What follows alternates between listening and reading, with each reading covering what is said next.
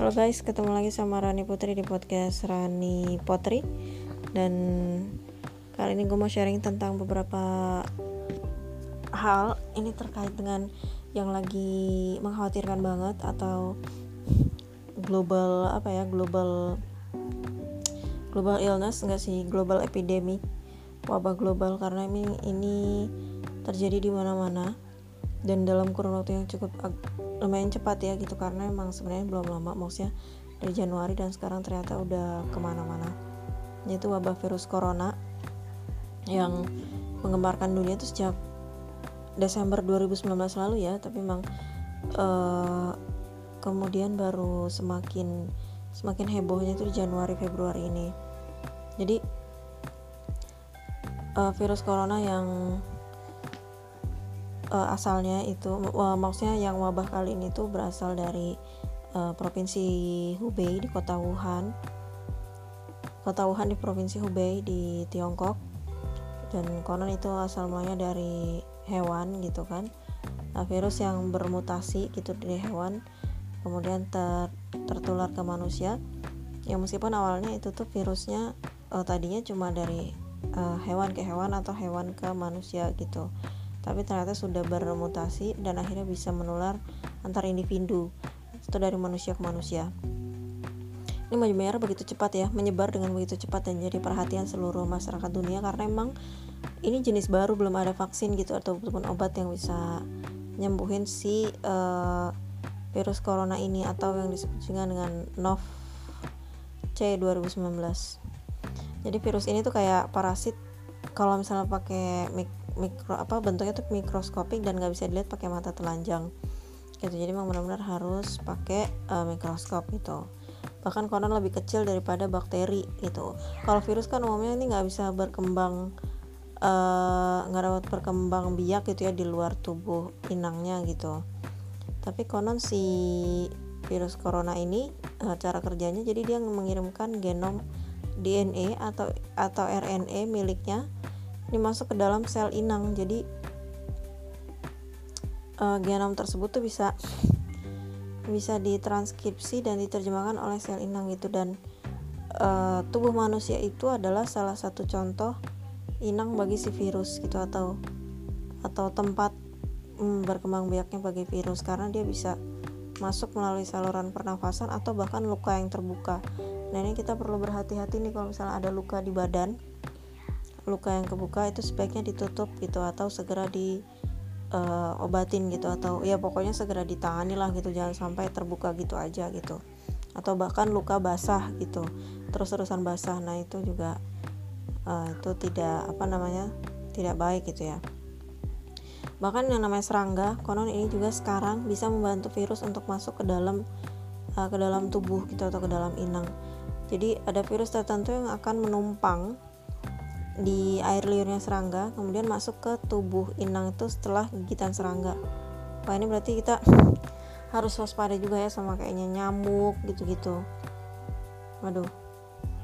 Dalam berbagai penyakit yang disebabkan oleh virus uh, ia menjadi sebab penularan. Karena itu penyakit yang disebabkan oleh virus itu bisa lebih cepat menyebar dan nular ke siapa aja.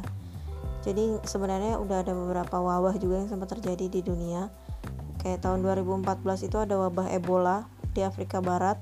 Kemudian juga yang sempat heboh di seluruh dunia itu tahun 2009 juga ada pandemi flu babi H1N1 yang jadi wabahnya itu seluruh dunia itu. Dan sebenarnya nggak cuma dua virus itu yang jadi wabah mematikan di seluruh dunia karena masih ada beberapa uh, jenis virus yang sudah ditemukan dan cukup mematikan hingga saat ini ini beberapa di antaranya nih gue lansir dari MD Links. Jadi yang pertama itu ada yang namanya virus Marburg. Ini merupakan bagian dari keluarga filovirus. Tandanya itu pertama tanda pertama itu dari demam berdarah. Nah gejala lainnya itu kayak demam sakit kepala demam sakit tenggorokan mialgia atralgia nyeri epigastrium muntah dan diare. Wadaw. Ini awalnya tahun 1967 virus Marburg ini ditemukan uh, dia jadi penyebab penyakit manusia oleh para peneliti di Marburg, Jerman karena paparan monyet hijau endemik di Uganda. Hmm. Nah, kelelawar ini sejak tahun 67 ternyata juga di, sudah dianggap menjadi penyebar virus. Tapi hipotesis ini ketika itu belum dikonfirmasi gitu. Dan waktu itu atau hasil analisanya itu karena paparan monyet hijau. Nah, tingkat kematian untuk virus Marburg sendiri itu bisa sampai 90% karena orang yang terinfeksi ini biasanya mati karena pendarahan ke dalam saluran pencernaan dan kulit. Shock, koagulasi intravaskular, diseminate dan kegagalan multiorgan. Ngeri ya. Dan konon sampai saat ini belum ada terapi antivirus atau vaksin untuk virus Marburg.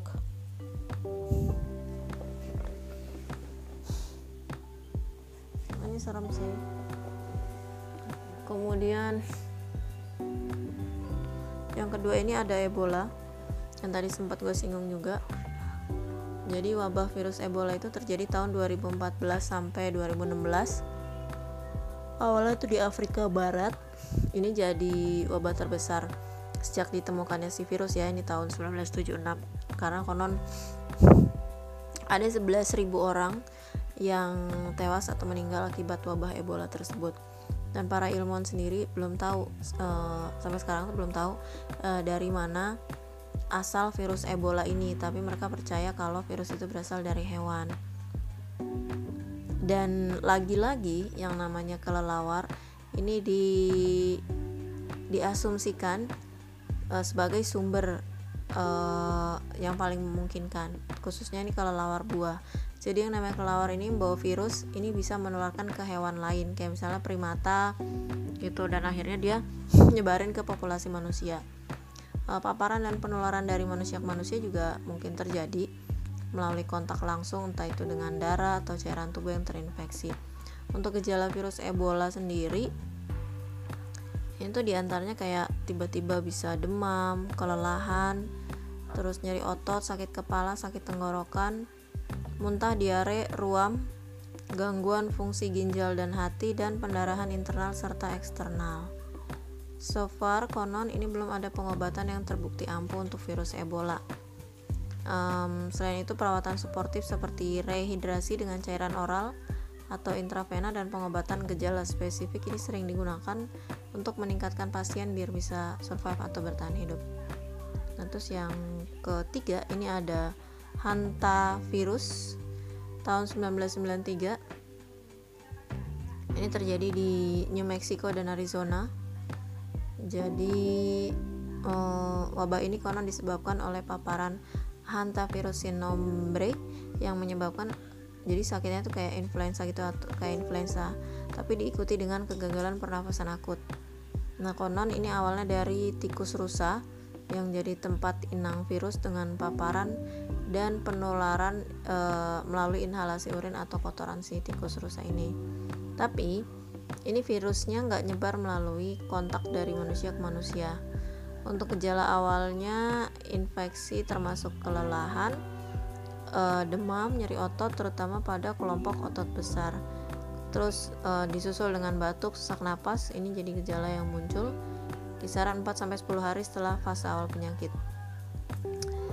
Uh, orang yang tidak memiliki antibodi terhadap virus ini uh, terus kalau misalnya udah kena infeksi simptomatik adalah normal tingkat kematiannya itu masih di 38% jadi ini uh, tidak ada perawatan penyembuhan atau vaksin untuk virus tapi hasil bertahan hidup dapat ditingkatkan dengan pengenalan penyakit ini dan penerimaan perawatan medis termasuk terapi oksigen kalau misalnya udah kena penyakit pernapasan yang parah.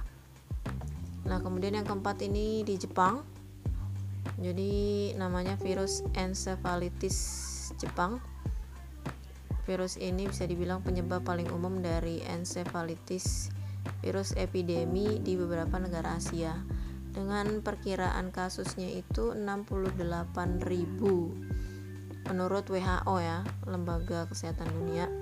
Dan faktanya ada 24 negara di kawasan Asia Tenggara dan juga di Pasifik Barat eh, WHO ini yang sudah eh, endemik untuk penularan virus encephalitis Jepang. Jadi ini menempatkan lebih dari 3 miliar orang dalam risiko infeksi. Gejalanya itu kayak demam kaku leher terus perubahan kesadaran sakit kepala tremor inkoordinasi dan kejang-kejang. Untuk tingkat kematiannya tuh cukup tinggi ya 30% tapi nggak cuma itu. Konon mereka yang sudah berhasil sembuh itu juga berpotensi untuk mengalami gejala neurologis atau masalah kejiwaan yang serius. Kok ngeri ya? Untuk penyakit ini menyebar ke manusia oleh nyamuk jadi ini yang nyamuk yang terinfeksi dari spesies Culex yang hidup di sawah Asia dengan reservoir atau lingkungan termasuk burung air dan babi. Tapi konon untuk virus ini udah mulai ada vaksinnya untuk perlindungannya. Jadi uh, perlindungan terhadap nyamuk yang direkomendasikan di antara mereka. Jadi memang kita harus uh, benar-benar menjaga diri dari yang namanya nyamuk oh sorry. Karena emang belum ada terapi antivirusnya. Kalau vaksinnya mungkin vaksin perlindungannya pencegahannya ada tapi terapi antivirusnya ini belum ada konon. Nah kemudian yang kelima ini ada rabies. Infeksi rabies menyebabkan puluhan ribu kematian secara global. Yang sebagian besarnya itu di Afrika dan Asia. Untuk masa inkubasi umumnya ini 2-3 bulan yang gejala awalnya tuh kayak demam terus kesemutan tusukan atau parestesia di lokasi luka. Peradangan fatal pada otak dan sumsum -sum tulang belakang biasanya berkembang ketika virus berkembang ke sistem saraf pusat. Nah untuk manusia sendiri ini kalau misalnya keinfeksi rabies dapat menunjukkan salah satu dari dua bentuk penyakit rabies yang ganas atau rabies yang lumpuh karena kalau menurut WHO, individu dengan rabies ganas ini bisa menunjukkan tanda-tanda hiperaktif, perilaku yang menyenangkan, hidrofobia, dan aerofobia. Dengan kematian yang terjadi setelah beberapa hari karena penangkapan kardiorespirasi. Kok ngeri ya? Sedangkan kalau eh, rabies lumpuh, ini penderitanya lambat laun akan jadi lumpuh, mulai dari tempat luka. Dan setelah koma, kematian bisa terjadi. Waduh, untuk penyebabnya ini bisa dari yang paling umum itu dari gigitan anjing. Kalau misalnya anjingnya kena rabies atau tidak sehat diikuti oleh kelelawar. Nah lagi-lagi kelelawar ya. Hmm. cuman di sini emang jadi kalau misalnya setelah gigitan ini suntikan rabies bisa uh, apa namanya bisa ngobatin lah gitu Selain itu, setelah kontak dengan hewan rabies, ini sangat penting untuk mencuci luka dengan sabun dan air, karena infeksi biasanya terjadi pada paparan selaput lendir ke air liur. Waduh. Jadi emang sekarang sering-sering cuci tangan deh ya, kalau dari luar rumah atau megang apa gitu kan atau punya hewan gitu mungkin kalau punya hewan juga perlu diperhatikan kesehatannya kayak gitu terus kalau gue pribadi sekarang jadi lebih apa lebih hati-hati juga megang handle pintu. Karena yang namanya handle handle pintu itu uh, dipegang banyak tangan banyak orang yang kita nggak tahu kan. Apakah tangan yang megang itu udah oh, cuci tangan gitu atau misalnya udah bersih atau belum gitu. Jadi kalau ya emang agak lebay sih tapi emang sebenarnya udah lama juga sih bukan karena wabah virus juga. Gue sering kali megang handle itu kadang pakai tisu gitu. Ya gitu sih. Ya, pokoknya kita emang udah lebih harus berhati-hati sama kesehatan karena gue sempat baca juga jadi hmm, Bank Dunia tuh sempat sempat uh, apa namanya jadi ada artikel yang yang di situ tertulis kalau menurut Bank Dunia biaya kesehatan itu semakin tinggi dan itu tuh bikin bangkrut gitu. Kayak gitu makanya um, ya harus lebih aware lagi sih sama kesehatan gitu. Dan ya karena sekarang juga musimnya kan lagi kurang baik ya I mean untuk pergantian itu kurang kurang bisa diprediksi gitu. Jadi ya kayaknya udah udah harus lebih hati-hati gitu. Nah ini juga ada satu berita nih yang gue baca. Jadi kalau virus corona ini bisa menyebabkan penyakit pernapasan dan gejala ringan termasuk pilek, sakit tenggorokan, batuk, dan demam. Tapi bisa jadi lebih parah bagi beberapa orang bisa menyebabkan pneumonia atau kesulitan bernapas. Dan dalam beberapa kasus ini bisa berakibat fatal. Ini kayak misalnya orang yang usianya udah tua terus punya gejala medis sebelumnya kayak diabetes atau penyakit jantung. Konon ini lebih rentan untuk terkena virus dan efeknya bisa lebih parah kalau menurut um, lembaga kesehatan dunia atau WHO pakai masker itu bisa membantu membatasi penyebaran beberapa penyakit pernapasan. Tapi konon e, pakai masker aja tidak menjamin bisa menghentikan penularan virus virus corona. Jadi benar-benar harus dikombinasi e, penggunaan masker ini harus dikombinasikan dengan tindakan pencegahan lain. Kalau menurut WHO e, jadi tindakan pencegahan yang direkomendasikan itu kayak menjaga kebersihan tangan menghindari kontak dekat jadi setidaknya jaraknya satu meter atau tiga kaki antara uh, kita dengan orang lain wadaw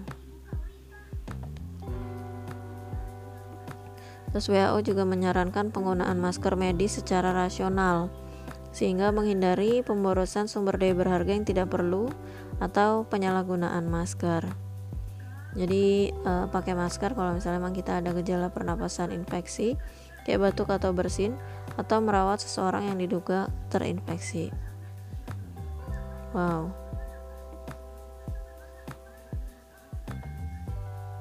Agak ngeri sih ya. Nah, ini ada ini juga sebelum mengenakan masker, cuci tangan pakai sabun atau air berbasis alkohol. Tutup hidung dan mulut dengan masker. Pastikan tidak ada celah antara wajah dan masker. Terus hindari menyentuh masker yang lagi dipakai kalau misalnya sampai kesentuh kita harus membersihkan tangan dengan alkohol atau sabun dan air. Wow. Masker sekali pakai jangan dipakai lagi. Terutama kalau misalnya eh, batuk atau udah kena batuk atau bersin. Kayak gitu. Dan kita tetap harus waspada sama informasi-informasi terbaru terkait wabah virus corona karena memang kadang-kadang ada hoax juga kan yang yang bertebaran gitu. Tapi yang pasti ada beberapa hal yang mungkin bisa kita lakukan. Yaitu dengan sering mencuci tangan pakai alkohol atau sabun dan air. Terus jaga jarak dengan orang lain setidaknya satu meter. Terutama kalau orang itu lagi batuk bersin atau demam itu hindari menyentuh mata hidung dan mulut. Nah emang kadang-kadang suka gatel gitu kan lagi iseng pegang-pegang muka mata hidung mulut gitu. Karena tangan kita kan menyentuh banyak benda dan makhluk lain. Ini bisa terkontaminasi virus gitu. Jadi hmm, meminimalisir meminimalisir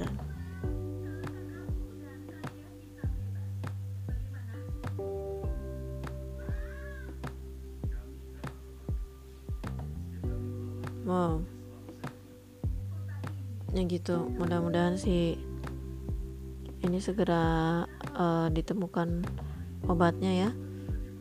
Karena emang ini kasus 2019 nCoV ini konon sampai tanggal 6 Februari sudah mencapai 28.280 oh my god.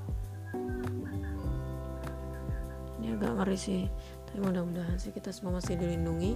Kita lebih jaga kesehatan lagi lebih aware lagi dan lebih jaga kebersihan. Thank you for listening. See you in the next episode. Keep healthy and hope everything will be okay will be fine soon. Bye bye